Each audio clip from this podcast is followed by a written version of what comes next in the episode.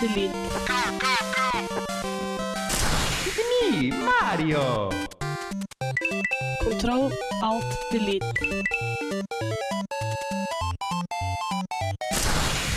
Unable to comply.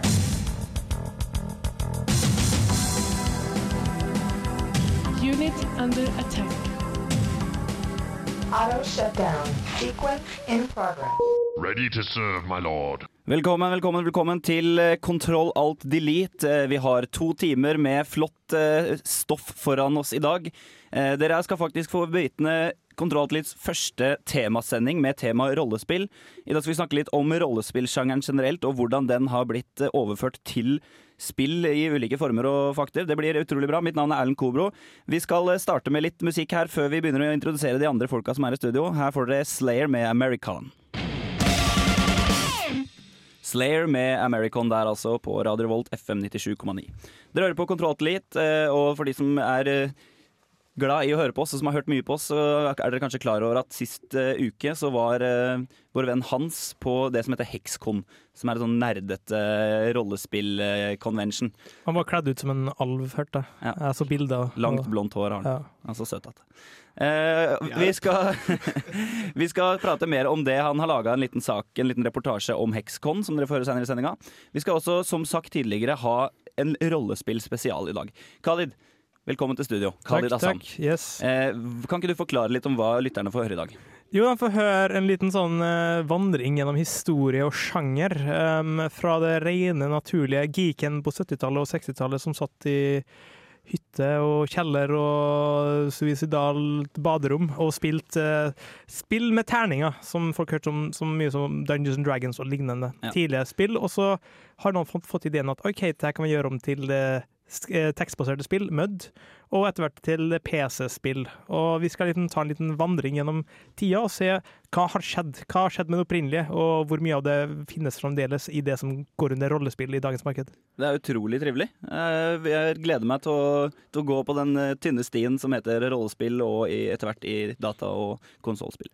Vi har også storfint besøk her i dag. Eh, Vi har besøk fra både Hans og Henrik. Eh, Hans er jo da rollespillspesialisten vår. Det er hei. jeg Hallo, er da, folkens. Hei til Hans.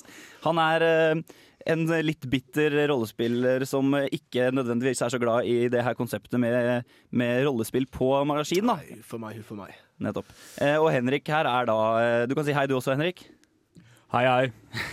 Henrik er en, også en innbitt eh, gammel gamer som er, fulgte med sjangeren eh, til PC for et par år siden, men som nå har dette av og driver med litt mer sånn populære ting, som musikk og sånn. Ja, det er, det er det jeg har begynt med nå i det siste, dessverre. Så, men han har, han har peil, så det er, vi, har, eh, vi har bra med kompetanse inne i studio her i dag. Eh, vi skal få høre på litt mer musikk eh, før vi, før vi går eh, til verks. Her får dere Clips Feet Cammon med Popular Demand. Du hører på Radio Revolt, studentradioen i Trondheim. Doom Riders med Come Alive der altså, på Radio Revolt FM 97,9. Vi er Kontrolltelit, og vi snakker om uh, rollespill og dets utvikling i spillverden uh, opp gjennom tidene. Og vi må jo selvfølgelig starte med starten. Uh, det basiske innafor rollespill stammer jo for, fra pen and paper. Og Hans som er i studio her nå, han er en, en hyppig rollespiller på pen and paper-fronten. Ja, jeg har vel egentlig ikke spilt noe særlig mye annet enn pen and paper. Nettopp. I det siste, i hvert fall. Blyant og Blyant og papirrollespill. Ja. De fleste kjenner vel sikkert igjen navnet Dungeons and Dragons, selv om ikke det er Dungeons and Dragons er det første store. Eh, og du har, som vi nevnte i vår forrige sending, vært innom eh, det som heter Hexcon. Ja, det er en kon som ble arrangert her i Trondheim, da. En samling, rett og slett, for Det er en, sa- en samling, rett og slett, ja. Eh, vi har, du har laga en reportasje. Det Har har du jeg. lyst til å introdusere den noe mer? Den er egentlig ganske Ja, sier egentlig hva han skal si sjøl. Den snakker for seg sjøl. Det gjør den. Da skal vi høre på den. Hans Kvernlisjø med Hexcon. I flere år nå har en liten horde spillinteresserte inntatt en uskyldig liten barneskole for å spille ulike spill gjennom en hel helg. Leve på sukker og koffein, og generelt ha det gøy. I år var det den andre helga i november, og stedet var Åsvang skole. Begivenheten var Hexcon. Det tropper opp omtrent 150 con-gjengere på fredagen, klare for å, ja, spille og være sosiale. For de som er ukjent med begrepet con, så er det en forkortelse av convention, og for Hexcon sin del betyr dette i grunn spillfestival. Det er et begrep som innebærer en del ting. For det første så er det stort utvalg av spill man kan spille. Disse er det for det meste Hexagon, spillklubben i Trondheim, som stiller opp med. For det andre så betyr det at siden man har så mange spill å spille, og så mange å spille med, er ikke søvn nødvendigvis det som står høyest på prioriteringslista. Dette igjen impliserer hva man kan få i kiosken. Jepp, sukker og koffein er en stor del av det. Årets Skånd hadde som tema steampunk. Dette er en sjanger innen film, litteratur og spill som i all grunn kan oppsummeres som en forherligelse av det viktorianske, med et tungt innslag av vitenskapsforherligelse i tillegg. Tenk viktorianske gentlemen som suser rundt i ildtempo-gigante, så har du det. Dette temaet berører hovedsakelig rollespillene, som alle har scenarioer som dreier seg om steampunk-relaterte temaer. Gjennom hele Con blir det spilt spill som f.eks. Starcraft The Board Game, som får Risk til å virke langt nærmere ludo enn det man trodde. Man har mange forskjellige rollespill som representerer de aller fleste litterære sjangere, selv om det er klart at det er ett som hever seg opp av mengden her. Made, the role-playing game. Som bare blir enda festligere midt på natten med hjelp av store mengder sukker og kaffein. Av kortspillene som ble spilt, har vi f.eks. Munchkin, spill som parodierer alle rollespill. Han trasker rundt i en kjeller og sparker inn dører, slåss mot monstre, tar skatter og prøver å komme seg til din level først. Han kan møte på kjente og kjære monstre som Potted Plant, Lame Goblin, Lawyer, Empty Suit og Shrieking Geek. Forbannelser som Duck og Doom er også noe man lærer seg å hate. Det ble selvfølgelig spilt mye mer på Con Mage, The Awakening, Warmer 40.000, Tumble, bare for å nevne tre vidt forskjellige spill. Gjennom hele Con har man øde- ødelagt omtrent alt man eventuelt hadde av døgnrytme, levd på koffein, sukker, potis, toast, og hadde det veldig morsomt. Men nå, hvor ble det av den kaffekoppen min?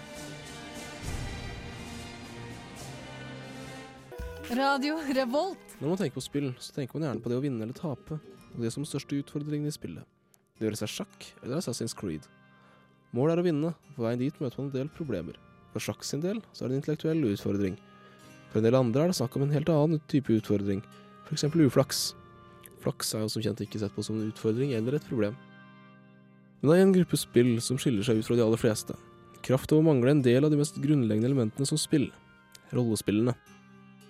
De mangler en spillflate, brikker og på en måte mål med spillet. De mangler iallfall disse i de mest tradisjonelle betydningene av ordene. Så hva er det egentlig rollespill har til felles med andre spill? Hovedintensjonen, som spill, som jeg kommer tilbake til etter hvert, og det at det er et element av usikkerhet som det deler med mange spill. Man bruker som regel terninger til å avgjøre om man klarer noe eller ikke. Hvis man skal overtale en til ikke løpe døra, eksempel, må man som oftest kaste terning for å se om man klarer å overtale personen. Dette er et trekk rollespillene har fra krigsspillene, som har opphav til rollespillene. Eller, det systemet rollespillene bruker er inspirert av krigsspillene, og så har dette systemet utviklet seg siden den tid. Fordi rollespillene mangler en spillflate i egen verden, og det er også brikker, så lager man en i sitt eget hode. Dette er på en måte essensen i rollespilling, at man lager noe hvor det før ikke var noe. Man lager en virkelighet som man spiller i. Brikkene, eller kanskje helst rollene, lever da i denne verden spillerne lager sammen. Dette gjør at de har en slags spillflate allikevel, men en helt forskjellig en fra de aller fleste andre spill. Rollespillene har som nevnt ikke noe mål med spillet i seg selv, som eksempel i sjakk, hvor man skal få den fiendtlige kongen i sjakkmatt, eller ludo, hvor man skal få alle sine brikker inn i sentrum. Følgelig mangler da også veien til dette målet, som i dag i sjakk blir å flytte brikkene slik og slik. Igjen, som med spillflate, dette må lages. Det er ikke snakk om å vinne eller tape rollespill. Som oftest, i alle fall. Fordi målet med spillet er på en måte veien dit. Man skal lage en fortelling og fremhevet valgene rollene tar. Det er dette som er essensen til rollespill. De å lage noe i fantasien til spillerne. For å få til dette, så er en av spillerne spilleder. Det vil si at han på en måte er verden. Eller sagt på en annen måte. Rollen er hovedpersonen i et skuespill hvor fantasien er scenen, og spillmesteren er manusforfatter, produsent og regissør. Fordi rollespill ikke har den fysiske spillflaten og har som hovedformål å lage en fortelling, er det kanskje rollespillene som fremhever et av formålene med spill generelt best, nemlig det å ta et steg ut av dagliglivet. De fleste spill har en eller annen form for å tape eller vinne. I rollespillene faller dette bort, av at alle vinner hvis det er en god fortelling.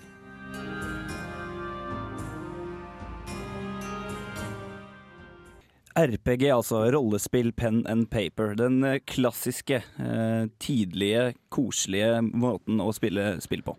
Eh, Hans, du er en eh, habil rollespiller. Eh, Ja, det kan man vel si. Du har spilt mye. Jeg også har faktisk spilt en del pen and paper, og jeg, jeg hørte særlig den når du sammenligna rollespillet med teaterstykket, da.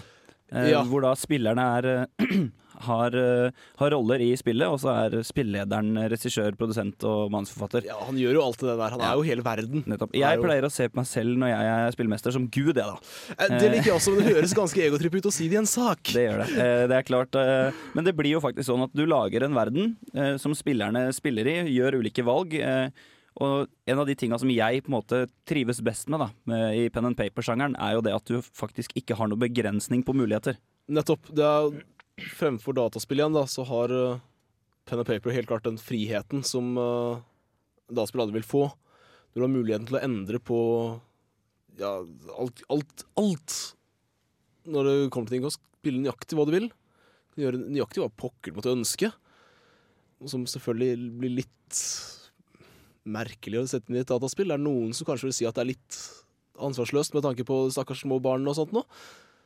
Så I tillegg så får du jo effekten av at du kan leve deg inn i en verden som er helt forskjellig fra denne. Kan, som kan være nøyaktig som du ønsker at den skal være. Mm. Og det er jo det, Vi kommer jo til å snakke litt om det utover i sendinga også. Hvilke deler av det opprinnelige, eh, av det rollespill pen and paper-messige som forskjellige spill har klart og ikke klart. da. Eh, Og Det er nok eh, sikkert det mange higer etter når de prøver å lage et rollespill, og lage den valgfriheten.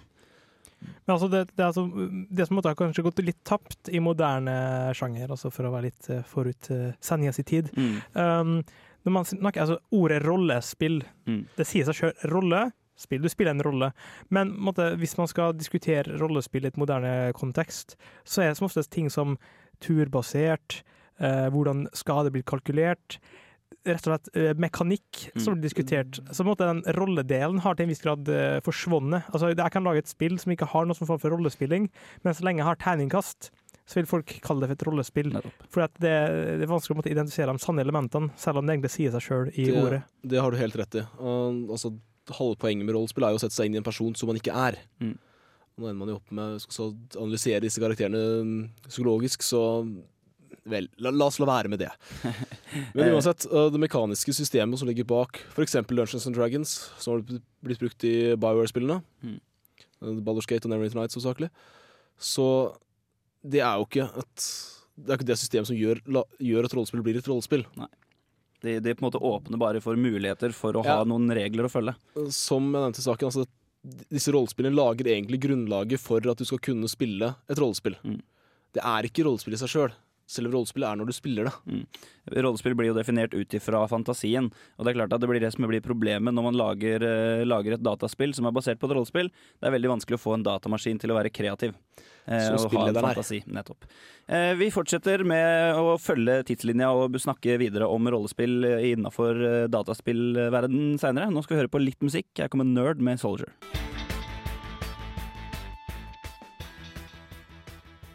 Nerd er altså, med Soldier her på RadioVolt FM 97,9.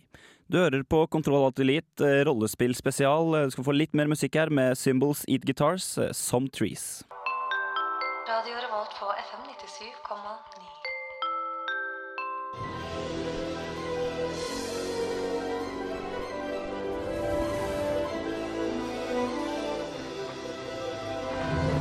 BioWare.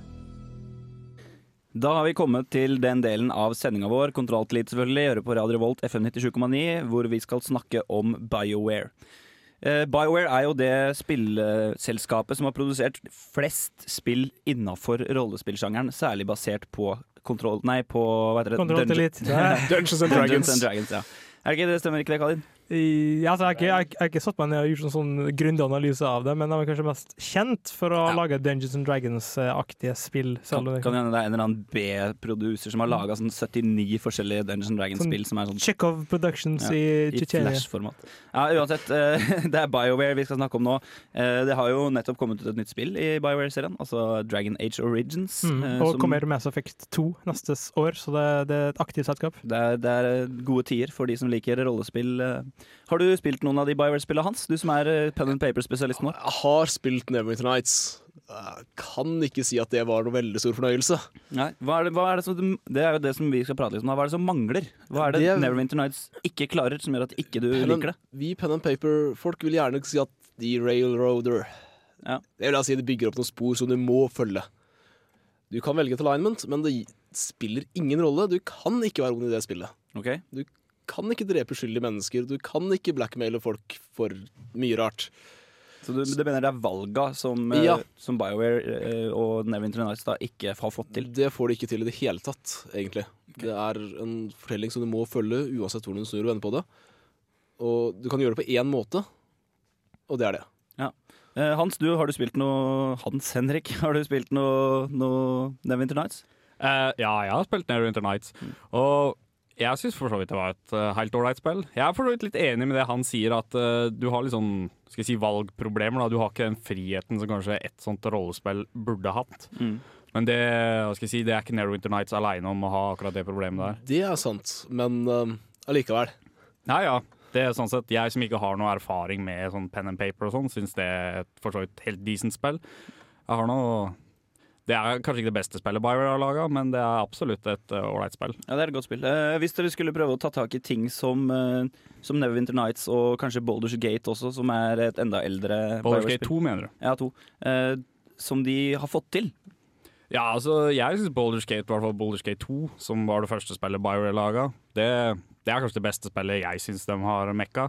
Og det, det er et spill som har faktisk ganske stor frihet og sånne ting. Og du, du har da, i stedet for å i Neverwinter Nights, så har du da et party som du styrer her, i stedet for å ha bare én kar, og så har du noen sånn andre folk som bare dilter etter deg. Mm. Og det er for så vidt en grei ting, for da kan du liksom, skal jeg si, modifisere og konstruere folka du har med deg òg, etter din, dine egne preferanser. Mm.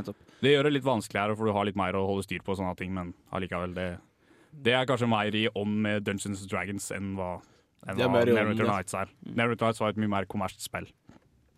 Ja, så det du sier at eh, altså, Kritikken er mot at det ikke er åpent nok, og du kan ikke velge så mye du vil.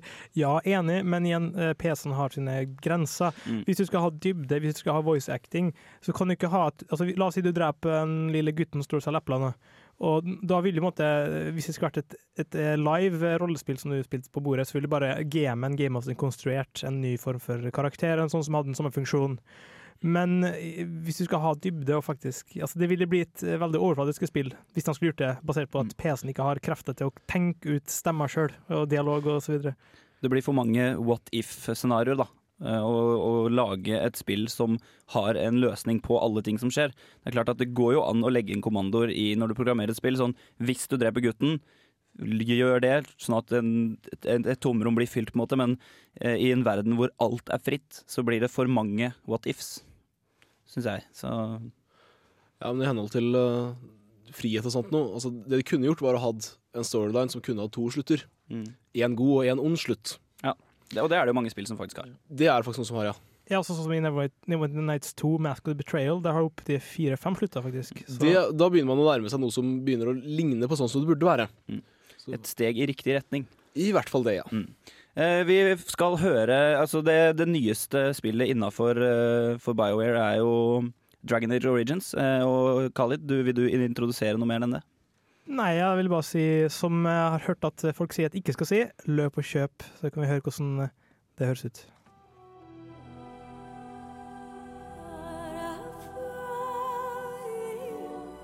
To år etter lanseringa av romeposen Mass Effect kommer rollespillfantastene hos BioWare endelig med sitt nyeste bidrag til fantasy-sjangeren, nemlig Dragon Age Origins. Bak det lite originale navnet skjules en spillfasit som vil underholde deg lenger enn din forventa levealder. The dwarven kingdoms were the first to fall. And from the deep roads, the dark spawn drove at us again and again until finally we neared annihilation.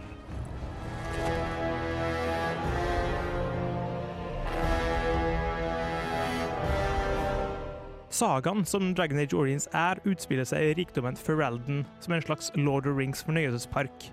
Hvem du er i dette eventyret, er i likhet med det meste i Dragon Age et spørsmål med mange svar. Vil du kjempe mot mørke krefter som en adelig kriger fra menneskerasen, eller kanskje som en helt vanlig dvergisk borger som kun svarer på et kall? Uansett hva du velger blant de mange mulige kombinasjonene, har det stor påvirkning hvordan akkurat din reise gjennom Frelden vil se ut.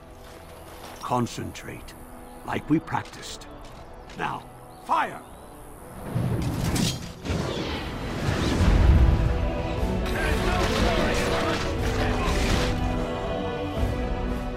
I likhet med Biowares tidligere spill som Baldur's Gate, Neverwinter Nights og Mass Effect handler Dragon Age Origins om kamp, utforskning, dialog, dialog og litt mer dialog. Word has it they swarmed the entire area, making off with prisoners and burning down the buildings. And then they were gone. Just as quick. Gjennom ditt episke eventyr i Ferelden vil du møte på hundrevis, hvis ikke tusenvis, av interaktive karakterer som vil hjelpe deg, prøve å hindre deg, eller kanskje søke din hjelp. Etter å ha spilt i omtrent 25 timer har jeg enda å møte på den samme stemmen to ganger, og dialogmulighetene er helt overveldende. Dine ledsagere, som du gradvis rekrutterer gjennom spillet, har hver sin lang historie som du kan utforske for å bli bedre kjent med dem. I swore to the crows that the things they taught me were to remain a secret. And while, yes, they are already angry at me, I'd rather not push things, you see.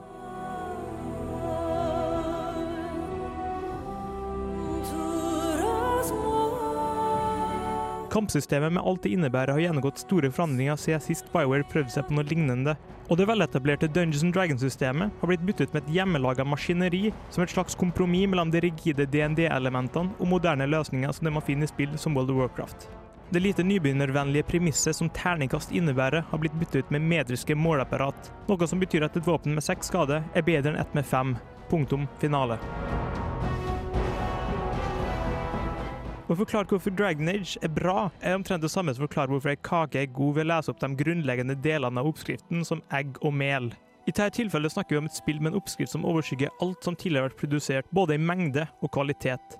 Spillet er kanskje tidenes beste rollespill og byr på over 100 timer med underholdning til dem som har tålmodighet til å utforske gjemte katakomber og mørke forhistorier. Valgmulighetene i karakterutvikling, fremgangsmåte og dialog er grensesprengende, og alt er sydd sammen til en ekstravagant fasit på hvilke produksjonsverdier fremtidens spill skal ha. Warriors and mages, barbarians and kings. The Grey Warden sacrificed everything to stem the tide of darkness and prevail.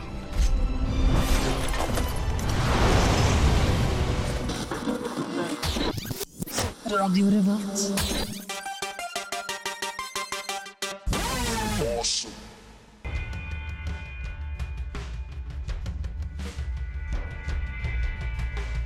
Hack and slash.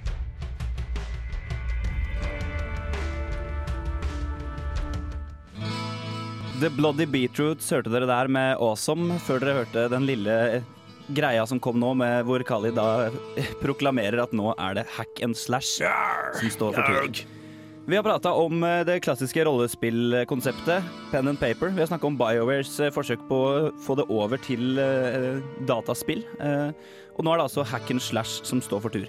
For å legge, legge til at vi har fått et veldig kritisk innblikk i BioWare. Vi har det. Folk flest ville kledd seg naken hvis de fikk et BioWare-spill gratis, men her har vi to folk som faktisk altså Henrik og Hans er ikke your average uh, Joe når det gjelder BioWare-spill, så må ta, ta litt vekk fra det de har sagt. Så Ja. det, er som, det er som en sint fyr som kommer ut fra skilsmisse. Det er, det er personer som ikke nødvendigvis er så glad i den formen, men som allikevel har prøvd det, og som har gått med på å diskutere det med oss. Så det setter vi pris på. Profesjonell uh, eh, Hva heter det for noe? Eh, ja, folk i studio. Det er bra. Det er folk som har Vi litt kaller det det. Ja, vi kaller det det. Det er ordkrøll på programlederen her nå. Uansett, eh, hack and slash, da tenker sikkert mange på Diablo. Khalid, det er vel det som går i bakgrunnen her nå også, er ikke det? Diablo, også etter hvert ordet Diablo-clone, som oppstod. Altså selv om man kan legge spor tilbake til Ultima, uh, selv om det kanskje ikke var sånn, eh, sånn hack and slash som i dag, så er det en sjanger som har vært ganske lenge, og det går ut på at du har en fyr, og så klikker du på fienden, så slår du.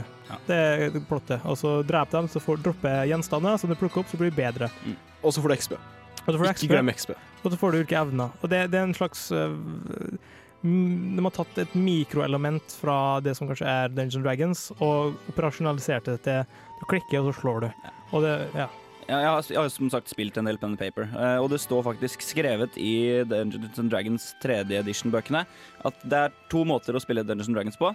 Du har rollespillmetoden, og så har du kick in the door kind of play. Eh, Og jeg føler at eh, den sjangeren vi er inne på nå, med hack and slash, der prøver de å kopiere den typen hvor du sparker inn døra, dreper alt i rommet, luter alt, får XP, og så stikker du til neste rom.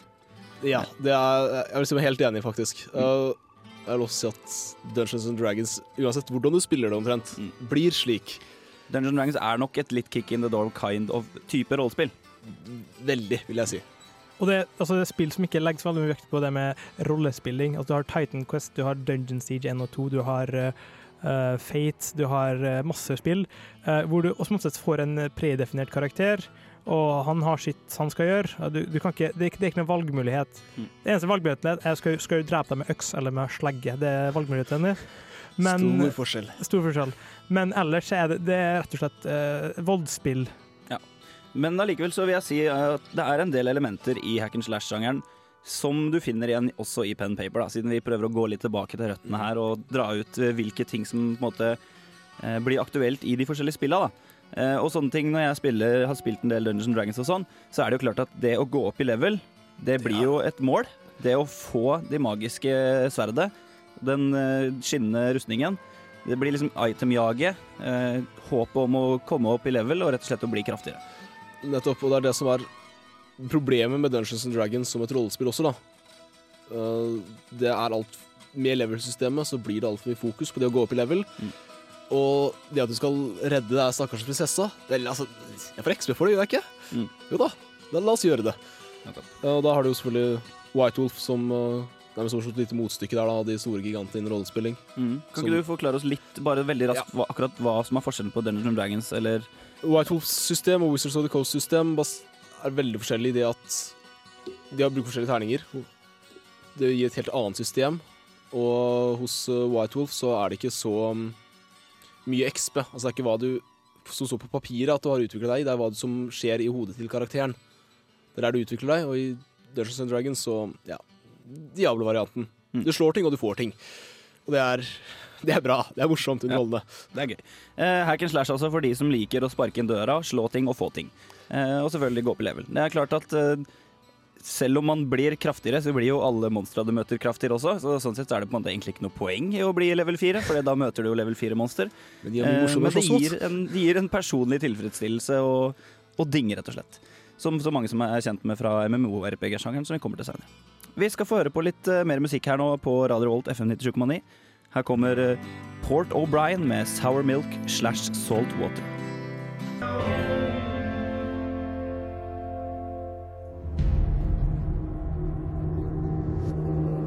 Betesta Softworks.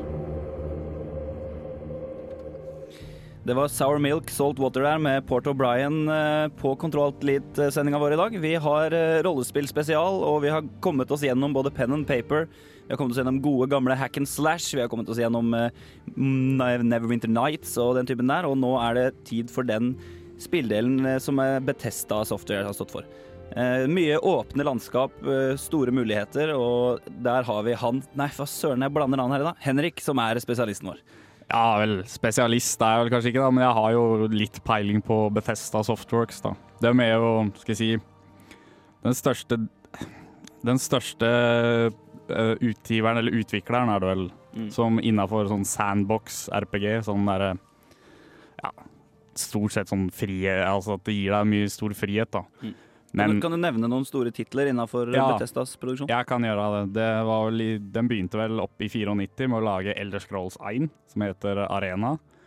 Og så fortsetter de vel Jeg veit ikke helt hva de laga mellom 94 og 97, men i hvert fall i 97 så kom Elder Scrolls 2, Daggerfall, ut. Og i 98 så laga de en, sånn, si, en slags sånn spin-off som heter eh, Elder Scrolls eh, Redguard. Og det var vel i 2001 eller 2002 at Elder Scrolls 3 Morrowind kom ut. Og i 2004 så ga de ut Elder Scrolls 4 Oblivion. Og nå i fjor ga de ut Fallout 3. Nettopp. Så det er mange kjente spilltitler her, altså. Eh, og veldig mange av de er sånn typisk Du har en hel verden. Det er noenlunde fritt hva du vil gjøre. Det er en hovedstoryline. Du kan velge å gi faen inn og joine en eller annen crew som bare bøffer alt fra hus og stjeler ting og tar livet av grever og hertuger og sånn.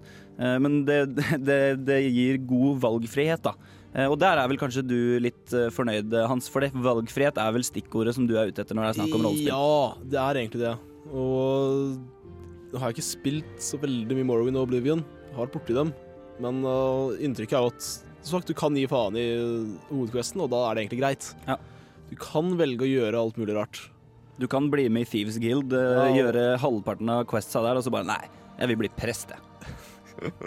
Ikke sant? Og det er en, den type frihet som jeg syns spillene må ha. Mm.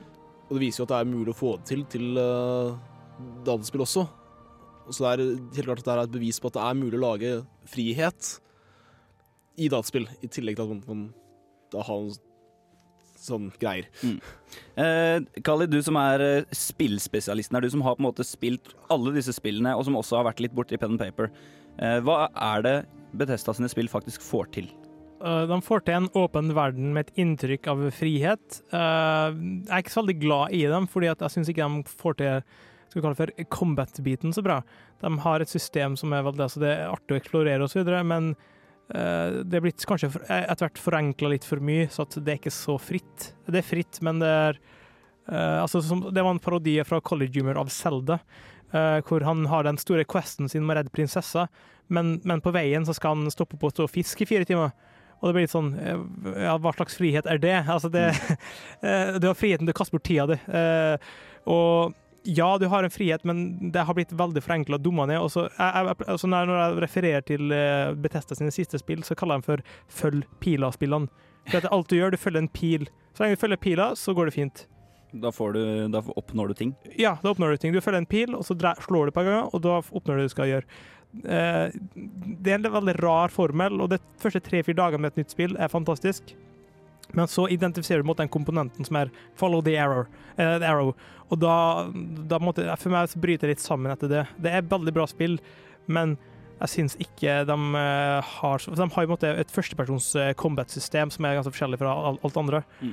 Men eh, noen liker veldig godt, noen liker ikke veldig godt. Det er sånn, ja, jeg er enig. Det er sånn spill Når jeg først koser meg med det, så er det fordi at jeg konstruerer en story alt det der i mitt eget hode. Okay. Og dem- det får dem til bra. Er du enig med det Khalid sier her, Henrik? Jeg er helt enig. Jeg vil faktisk gå litt lenger og si at det er nødvendigvis ikke så veldig bra spill. I hvert fall ikke Oblivion. Det, jeg, det spillet var et spill jeg nesten ikke likte i det hele tatt. Og det, det er litt sånn som Kali sier, at det har blitt neddumma en del. Fra f.eks. Arena, som hadde hauger av skills og sånne ting, til Morrowind, som hadde enda færre skills, og nå til Oblivion, som hadde bare få skills. Og det, den skill-inndelinga ga ikke engang noe mening, fordi du hadde sånn derre at det, hvis du skulle være bueskytter, da, så måtte du liksom være sånn stealth-kar. Du kunne ikke være sånn vanlig fighter med, med buer og sånn. Da måtte du liksom ha sånn sneak-skills og sånn i tillegg. Og det for min del blir litt teit. Og så er det et sånt problem at det er mye sånn der kjedelige random generata dungeons som bare er vas. Og det blir bare sånn evig loot-jag som ikke gir meg noe i det hele tatt, egentlig. Okay. Eh, tidligere radiomedarbeider som heter Torstein Hø har laga en sak på dette med Morrowind og Oblivion. Vi skal ta oss og høre den her før vi beveger oss videre i sendinga. Her får du den. I was born 87 years ago. For 65 years, I've ruled as Tamriel's emperor. But for all these years, I've never been the ruler of my own dreams. I have seen the gates of oblivion, beyond which no waking eye may see. Behold, in darkness, a doom sweeps the land. Bethesda Softworks er tilbake med en veldig etterlengta oppfølger for alle som er glad i rollespillsjangeren. Serien jeg snakker om, er selvfølgelig Elder Scrolls-serien, og det er altså klart for spill nummer fire, som har fått navnet Oblivion.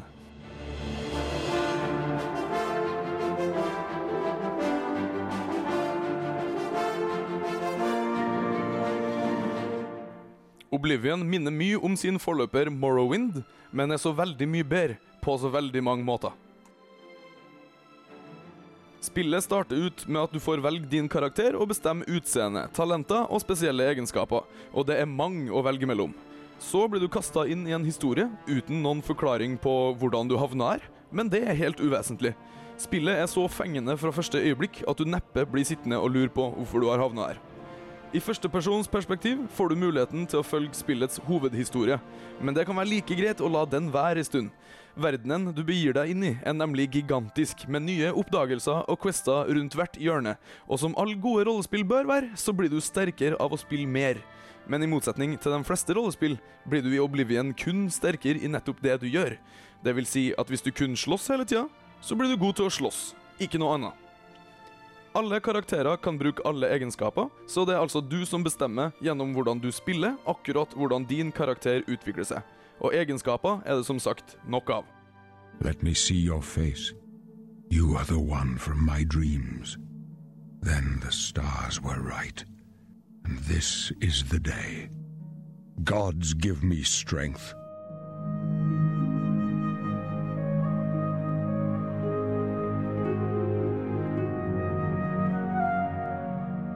Grafikken i spillet er mildt sagt vakker, og har du PC til det, finnes det nærmest ingen grenser for hvor bra grafikken er.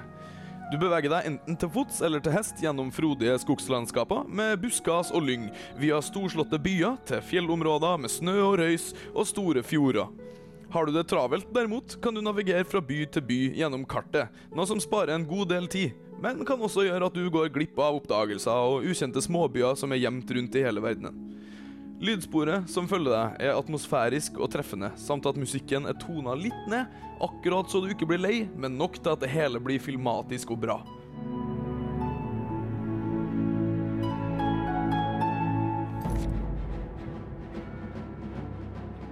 Kampsystemet er en vesentlig del av spillet og fungerer strålende. Om du velger sverd, øks, pil og bue, og man frem allierte, eller rett og slett tilintetgjør dine motstandere ved hjelp av magi, finnes det flust av valgmuligheter for deg her, og nok av motstandere å prøve deg på. Og noe av det fine er at spillet justerer hvor tøffe skrømt og motstandere du møter, og ettersom du sjøl blir sterkere, så utfordringene står alltid i kø, så lenge du har mer tid å bruke på Oblivion. Og det lover jeg at du kommer til å ha.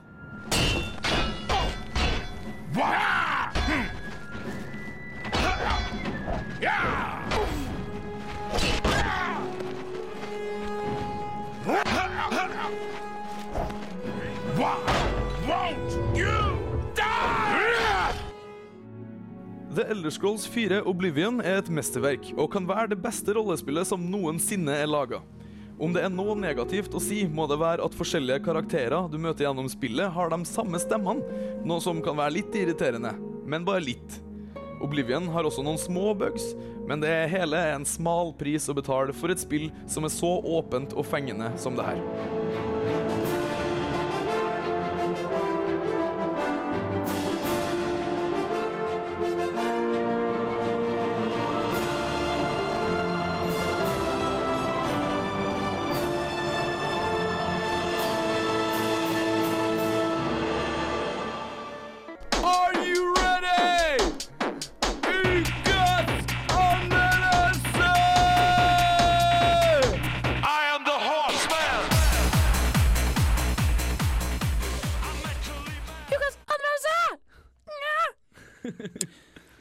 Da tar vi en bitte liten pause i temasendinga vår om rollespill her i Kontroll Alt Elite på Radio Rolt FN 97,9 for å ta for oss uh, ukas anmeldelse. Uh, som de fleste vet, så pleier vi å ha ukas anmeldelse eh, hver uke. Og uh, nå er det det nye, store spillet Assassin's Creed som står for tur. Det er jeg som har tatt for meg dette spillet, og vi kan egentlig bare høre hva det handler om med en gang.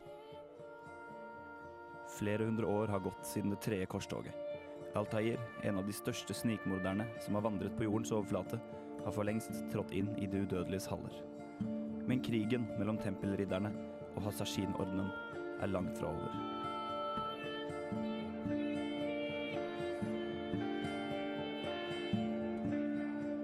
Renessansens Europa lider under den grådige tempelridderordenen, og det er din oppgave å gjenleve livet til Ezio Auditore di Firenze, den neste store assassin.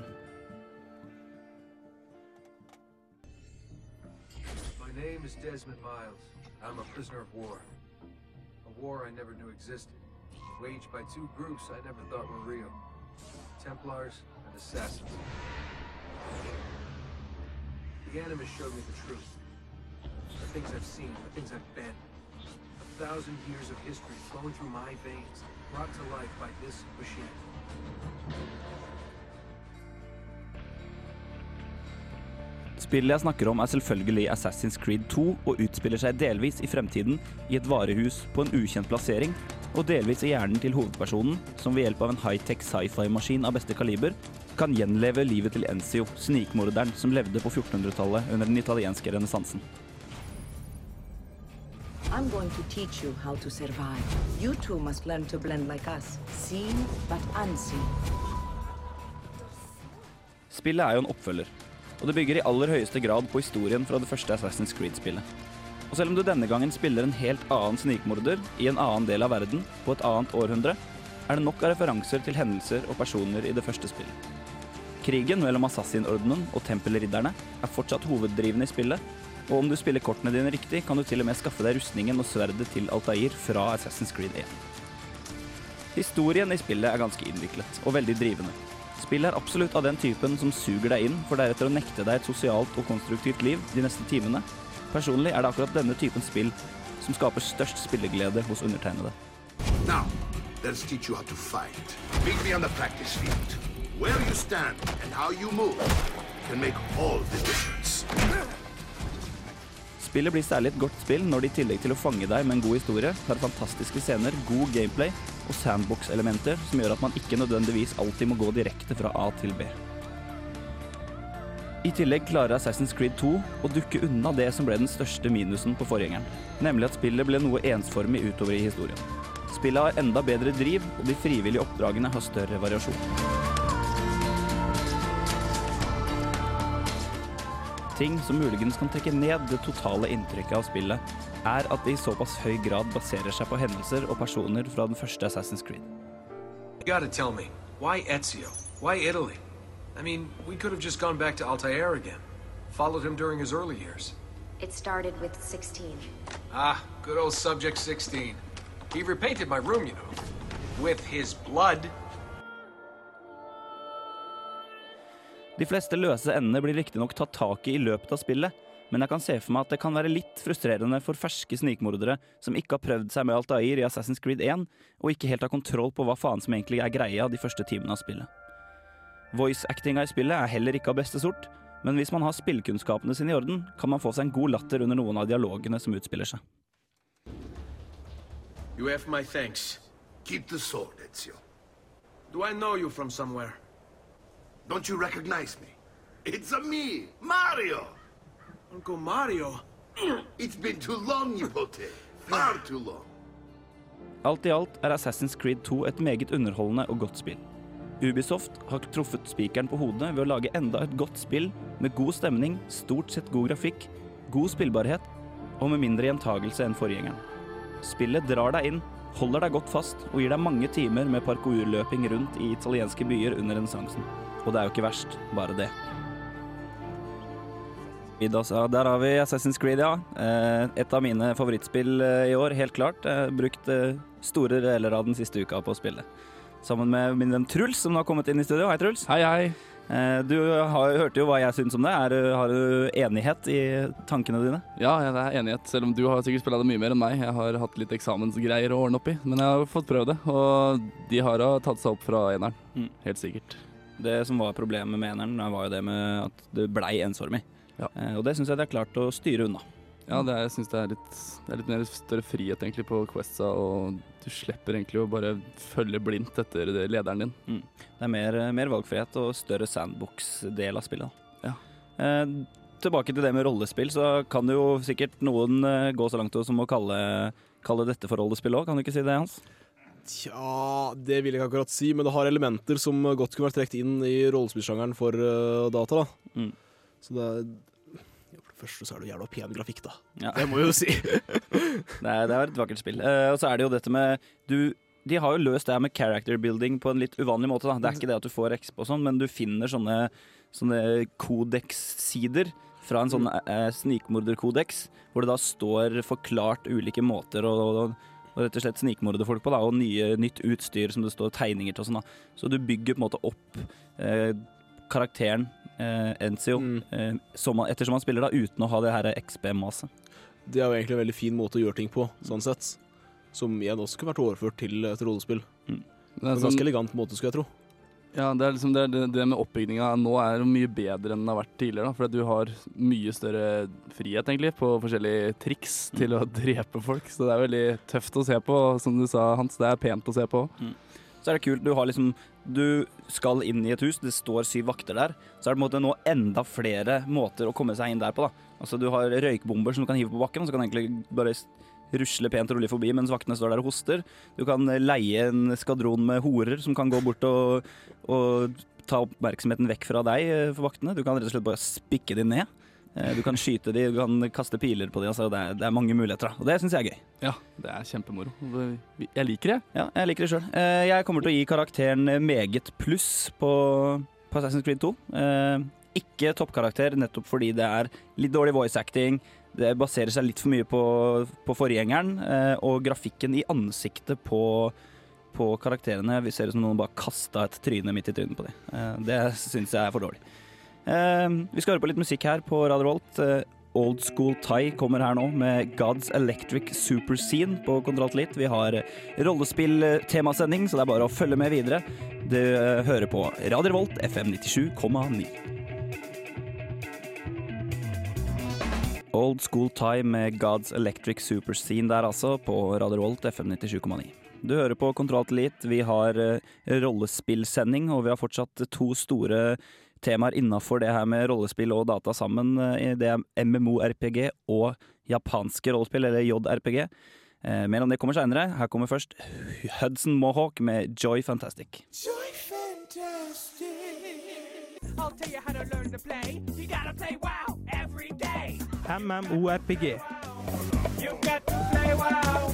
You got to play WoW. You got to play every day. You got to play every day hvis du skal bli stor innafor MMORPG. Og det er vel kanskje stikkordet, Khalid. Mengden spillmuligheter du har. Ja, det er en sjanger som kanskje ikke er så kjent for innholdet sitt, men eh, kjent for hva slags eh, spillestil og livsstil det provoserer frem hos eh, dets eh, spillere. For å si sånn. da. Der er du, som den sosiologen du er, veldig eh, kunnskapsrik, er du ikke det, innafor akkurat det? Ja, det er vel kanskje det jeg driver med sånn faglig sett, så ja, jeg kan litt mer enn folk flest og har lest litt eh, for mange rapporter og så videre. Så.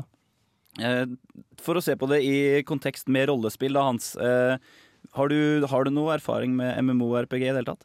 Litt. Det er jo trent det samme jeg kan si om ja, for eksempel Never Nights. Det er ganske mye det samme. Da har jeg friheten, da, men likevel. Det blir jo rævkjørt av et ganske dårlig system. Ja. Så det, du mener rett og slett at det er feil å kalle det et rollespill? Jeg syns egentlig det, ja. Hva er, et, hva er en bedre definisjon på det? det er sikkert de som har laga det, spurt seg sjøl mange ganger. Khalid, kom her. eh, nei, men altså, det, jeg ser jo hva du mener. Eh, Vi har jo, vi har jo spilt en del MMO her, flere av oss. Truls også har vel vært borti det? Ja, jeg har jo jeg har spilla WoW, ja. så jeg ble faktisk skrevet 80 for en måned siden da vi tok opp uh, spillet igjen. Men uh, det jeg skulle si om uh, RPG, er jo På WoW så er det visse servere egentlig du driver med rollespill. Da. Mm. Ja. Der du liksom spiller en karakter. Ja, og det er jo det, som jeg nevnte før, at det er jo det rollespill er. Du spiller en karakter. Og du har denne friheten, og er valgene du gjør som eh, skal spille inn på hvem karakteren din er. Ja. Her så hvem karakteren er, er definert av um, ja, hvilke stats du har, og hvilket stæsj du eventuelt måtte ha klart å anskaffe deg.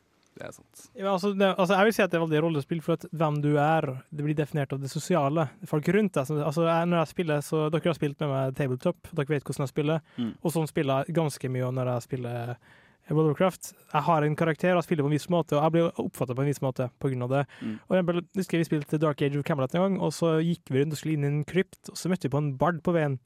Og så, så spurte han, altså han spurte oss først kan jeg, kan jeg rollespille, da. Og så sa vi ja, det går fint. Og så var det sånn magnificent!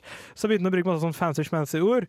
Og måtte, vår oppfatning av han blir som sånn en silly jævel, Mm. som han vil at vi skal oppfatte den. Så måtte, sånn sett så funker rollespillelementene, For at hvis du spiller en slem drittsekk, Mm. så blir du oppfattet som en slem drittsekk. Ja, nettopp. Og du, du har jo muligheten, da, som, som Truls så fint nevnte her, at du kan spille på RP-server. Eh, og jeg har faktisk noen, noen bekjente som, som drev aktivt med det her med å satte opp rollespill i World of Warcraft. Da, har brukte det som en plattform å spille rollespill på. Eh, lagde forskjellige karakterer. Lagde egne karakterer som var rett og slett en questgiver. De eh, det kom en gruppe med spillere, et party på fem stykker, og så hadde én logga seg inn som en Quest-giver, han som var gamemaster. da. Og så lager han en person og prater med de via, via Teamspeak eller Skype eller noe sånt nå. Og gir de liksom og forklarer de at ah, jeg skal gi dere belønning hvis dere får til det. og sånn da. Eh, Det er klart at Du får jo ikke noe mer eller mindre XP, for det blir jo ikke et Quest sånn i World of Warcraft-systemet. da. Men det er klart at du får jo Det blir jo en, en, en måte å spille rollespill på. da. Ja, det, det er jo en Da begynner vi å bevege oss inn på rollespill igjen. Mm. Fremfor eh, standard måten å spille WoW på. Nettopp. Jeg jeg refererer til standardmåten å spille WoW på, da. Det må Ja, nevnes. Og det er, det er jo veldig ytterst få som holder på sånn som det jeg forklarte nå. De fleste power-leveler opp til 80, og så kjører de instance på instance på instance og dungeon på dungeon på dungeon. Da blir det litt sånn Dungeons and Dragons kick in the door igjen. Eh, Ikke bare litt heller. Eller Litt bortenfor normale Dungeons and Dragons kick in the door-greier, egentlig. Men altså det som vi nevnte tidligere i sendinga, at uh, sjangeren stammer fra Mud-sjangeren. Og de første skikkelig kommersielle uh, MMORPG-ene, som var The Realm og Meridian i 1996 der had, altså, The Realm var pure snakking, pure rollespill. Mm. Uh, det, vi, det vi opplever nå, som er sånn kick in the door og uh, kill and loot, det er på en måte når det er blitt popularisert de siste par årene. For at, du skal, for at han average Joe som ikke spiller så mye, skal gidde å spille, så må du kick in the door. Og han orker ikke å sitte og rollespille i åtte timer for å få en liten ting. Eh, altså, med eksempel NRK Online fra 2002, der hadde vi in game events med GM hosta av selskapet med masse sånn rollespillgreier og møter og alt mulig. Mm. Så det, det er en ting som har skjedd i siste, vil jeg si, at rollespillselementet har dødd ut. Det er rett og slett gone commerce? Ja, det er en fin måte å se på. Det er jo tydeligvis eh, en ting som funker. Eh, Blizzard har jo håva inn ekstreme mengder cash på disse spillene, så Det er også en utvikling du ser i Dungeons and Dragons. Mm. At de siste årene Det er riktignok litt lengre perioder vi snakker om, men likevel. Jo lenger de holder på, jo mer kommersielt blir det, jo mer kick in the door-style er det det blir over regelsystemet også. Mm. Det er også for å bruke De fleste indie-rollespill og White Wolf står da som et slags motstykke, men jeg ser også den utviklingen i White Wolf, at det blir mer kicking in the door-typen spill ut av det. det er vel kanskje det folk syns er underholdende. Da. De liker å spille rollespill, men på et kanskje ikke så høyt nivå som noen rollespill krever. Da. Det er kanskje noe der, ja, så er det litt at det blir mye enklere. Ja. Det er ikke noe særlig dypt i det når du bare skal sparke ned døra og slakte hele folk og få XP og loot. Sånn er det. Eh, vi kommer jo mer tilbake til det her med spill og rollespill eh, etter litt mer musikk. Eh, vi har fortsatt en post igjen på programmet som heter eh, Japanske rollespill. Her får du først ta With the Get Down, Stay Down. No, no Better heter den sangen.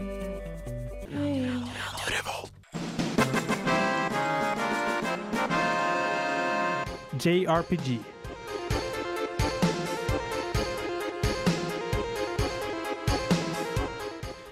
Yu-Gi-Oh! Circuit altså, med en eller annen sang der.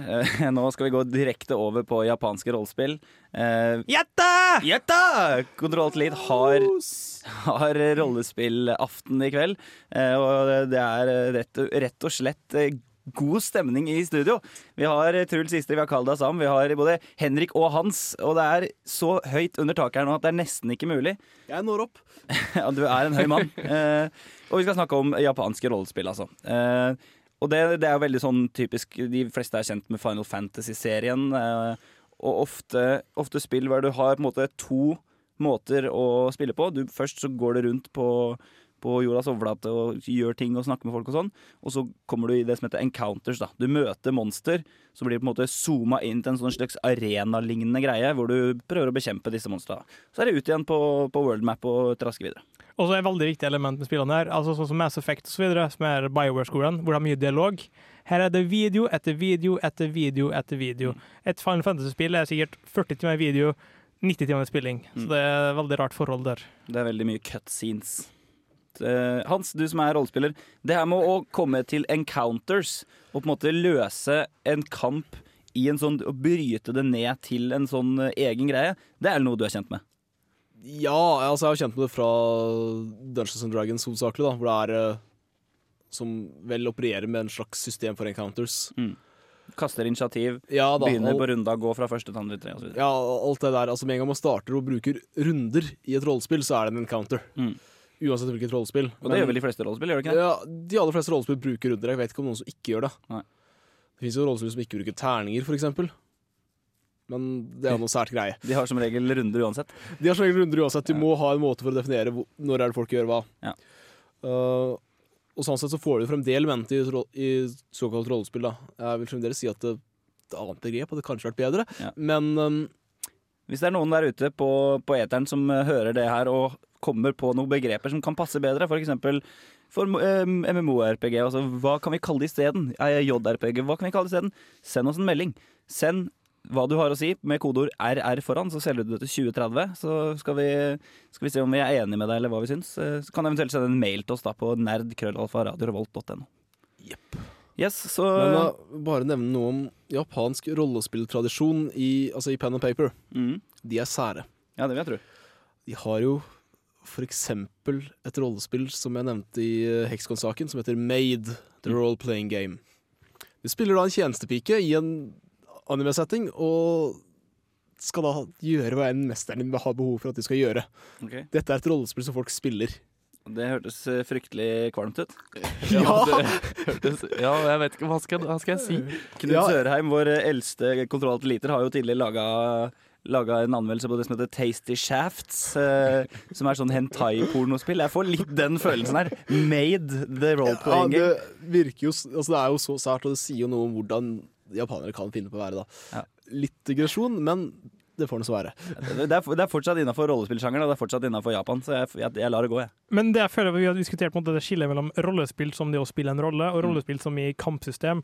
Og jeg føler at JRPGs, og det er altså Spying Fantasy og lignende spill, de har en, en, en kampmekanikk som er veldig lik med at det er turbasert, og han slår, så slår han, og så, og så, så videre. Men de har ingen rollespillselementer. Du er stuck med han 14-åringen med håret sitt, og uansett hva du gjør, så er jo han fyren der, og han, han, han, altså, hans progresjon er uavhengig av det.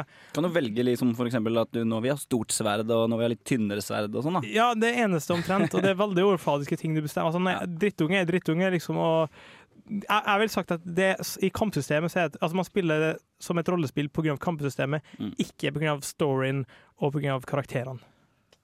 Ja, Hans, hadde du noe du ville tilføye? Ja, altså, en del av disse spillene altså, Hvis man skal virkelig vise forskjellene hvordan uh, disse spillene er i forhold til pen and paper Det man kunne prøvd å gjort, var å introdusert pen and paper-spillere for f.eks. Final Fantasy. Mm. Få dem til å spille igjen Final Fantasy som pen and paper-spillere.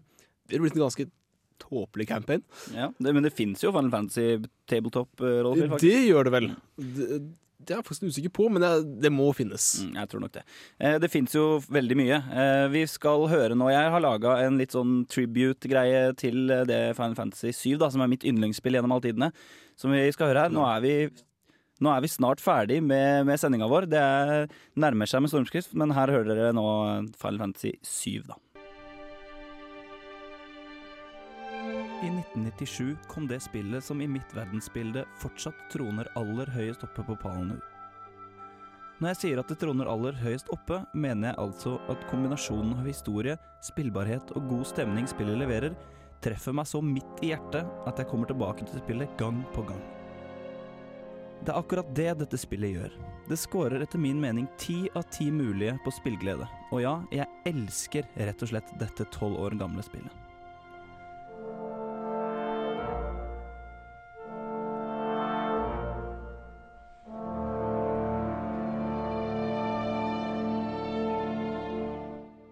Eventyret startet altså sommeren 1998, da jeg hadde mitt første møte med Claude og de andre karakterene i Squaresoft sin nye storsatsing Final Fantasy 7. Jeg var ti år gammel og hadde en fetter som var noen år eldre. En egen PlayStation kunne jeg bare drømme om, vi hadde ikke engang videospiller hjemme hos mor og far. Men på gården til tante og onkel satt meg og mine to fettere i timevis med vid åpne øyne og tok inn japanesernes mesterverk. Halvannet år seinere, på tolvårsbursdagen min, åpna jeg med skjelvende barnehender en Sony PlayStation en sen høstkveld. Det var liten tvil om hva jeg skulle bruke den lille formuen jeg hadde fått i bursdagspenger til, og allerede dagen etter satt jeg forventningsfullt foran min Samsung 21-tommer og hørte den fantastiske intromelodien, komponert av selveste Nobuo Umatsu, skylle mot meg mens introfilmen rullet foran meg på TV-skjermen.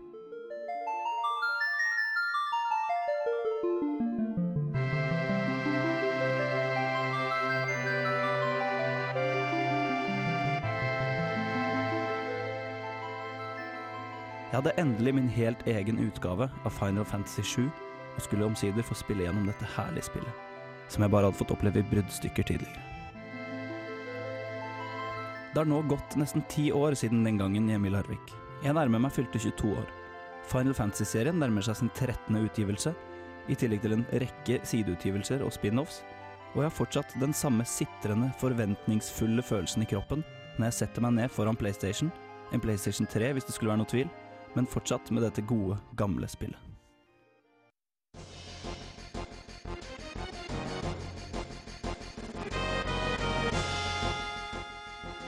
For de som ikke har spilt Final Fantasy 7, så skal jeg nå kort og greit oppsummere hva spillet er, hvordan det spilles og hvorfor spillet er så fantastisk. Men hvis du som hører dette ikke har opplevd spillegleden det dette spillet leverer, så blir det nærmest urettferdig ovenfor det å skape et førsteinntrykk med en kort radioreportasje som denne. Har du ikke spilt spillet, foreslår jeg at du gjør det så fort som overhodet mulig. Men her kommer i hvert fall en kort forklaring på hva Final Fantasy 7, verdens beste spill, egentlig er.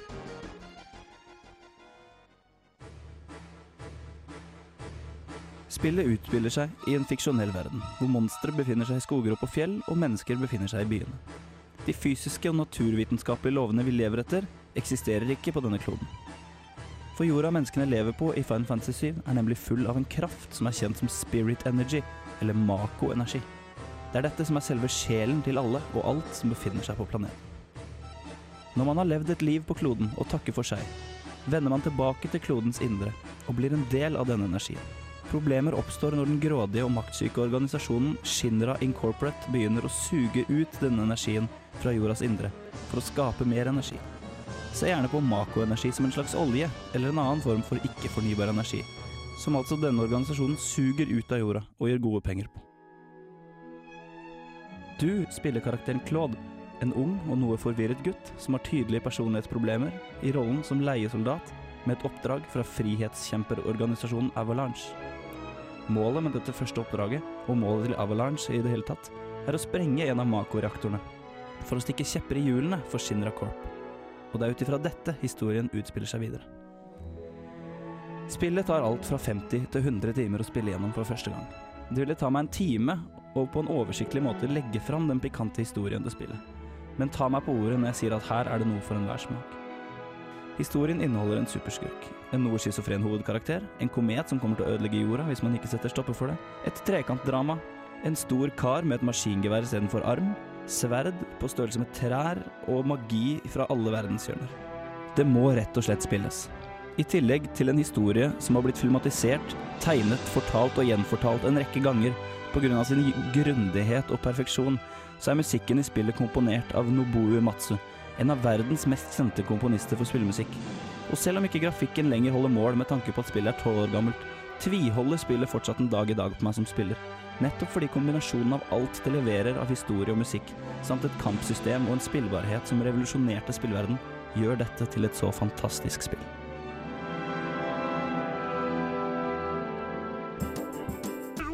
Bravo! I loved that. Oh, it was great. Well, it was pretty good. Well, it wasn't bad. Well, there were parts of it that weren't very good, It though. could have been a lot better. I didn't really like it. It was pretty terrible. It was bad. It was awful. I was terrible. Get him away! Hey, boo! Boo! What are you gonna do?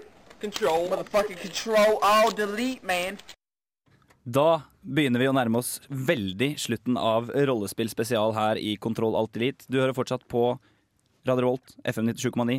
Det er fortsatt god stemning i studio. Vi har hatt besøk av både Hans og Henrik i dag. Dere kan få lov til å si adjø til våre kjære lyttere. Adjø. Ha det. Truls eh, og Khalid, eh, som er faste med medhjelpere i Kontroll Alt Elite, er her òg. Dere kan også få lov til å si adjø. Adjø. Adjø. Og jeg heter eh, Erlend Kobro og skal runde av den sendinga her nå eh, sent på ettermiddagen hvis du hører på på onsdag, og midt på dagen hvis du hører på på torsdag. Eh, Vi skal takke litt forskjellige folk for å ha fått hjelp. Vi kan takke Torstein for å ha vært en kjempegod tekniker i dag. Vi her i Kontroll litt er litt utfordrende. Vi liker å ha litt mye lyder fra spill og sånn, så det, det, det er ikke lett å styre spakene når det er Kontroll litt som er på mikken. Men sånn er det nå da en gang. Eh, vi har også hørt på mye bra, Oi, nå stammer jeg her. Mye bra musikk. Eh, takke musikkredaksjonen vår for at de setter opp listene for oss. Og takke Solsiden eh, Spaceworld der for at vi får låne spilla di. Da gjenstår det bare for meg å si tusen takk for at du hørte på Kontroll litt. Hvis du vil høre på podkastene våre, så ligger de nå ute på radiorevolt.no. Sjekk ut det. Fred ut. Ha det bra. Vi elsker dere.